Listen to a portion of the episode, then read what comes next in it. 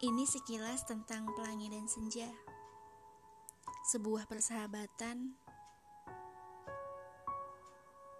yang tidak perlu selalu bersama.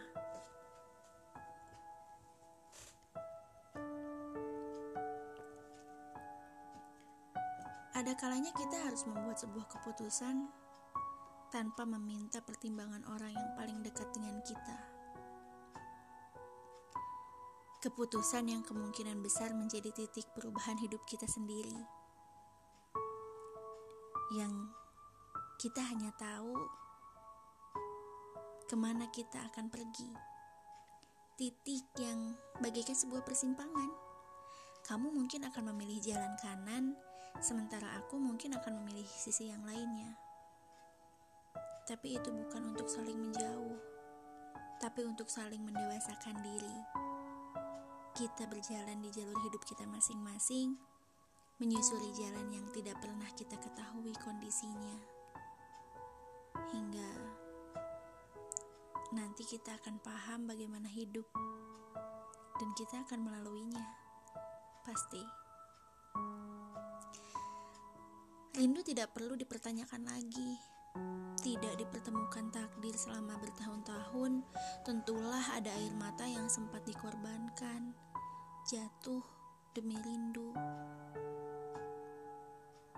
Tapi kata orang, sahabat adalah yang membantu kita menjadi seseorang yang bisa mewujudkan impiannya. Dan kita melakukannya kan? Kita pernah mencari waktu, mencari tempat yang sepi, bahkan tempat yang ramai sekalipun untuk membuat peta konsep hidup kita masing-masing. Kita saling menggali pikiran untuk merumuskan apa tujuan kita, mau apa kita, dan apa yang harus kita lakukan mulai sekarang.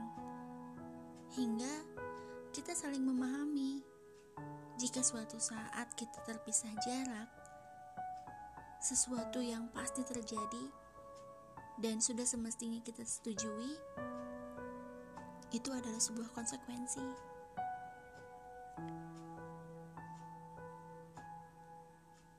Namun, ada saatnya, suatu saat, dua orang sahabat bertemu kembali.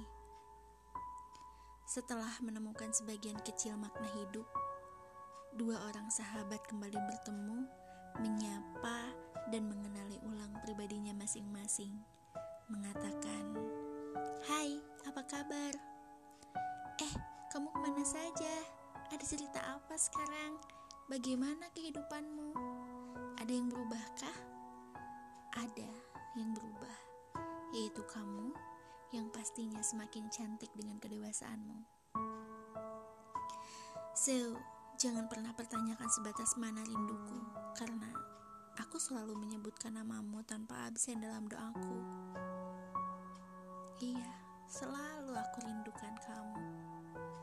Jangan pernah pertanyakan sebatas mana aku selalu berusaha berhati-hati agar tidak menyakitimu.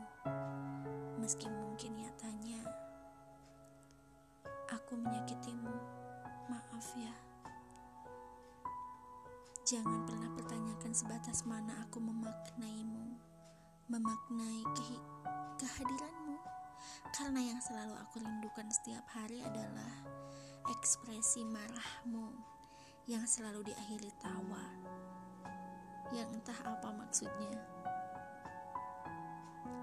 Jangan pernah pertanyakan sesakit apa hatiku memahami diksimu, karena hingga saat ini pun setiap telingaku mendengar suaramu, mendengar ocehanmu, dan setiap mataku membaca setiap kata-katamu, selalu kuartikan, hei, aku menyayangimu, percayalah.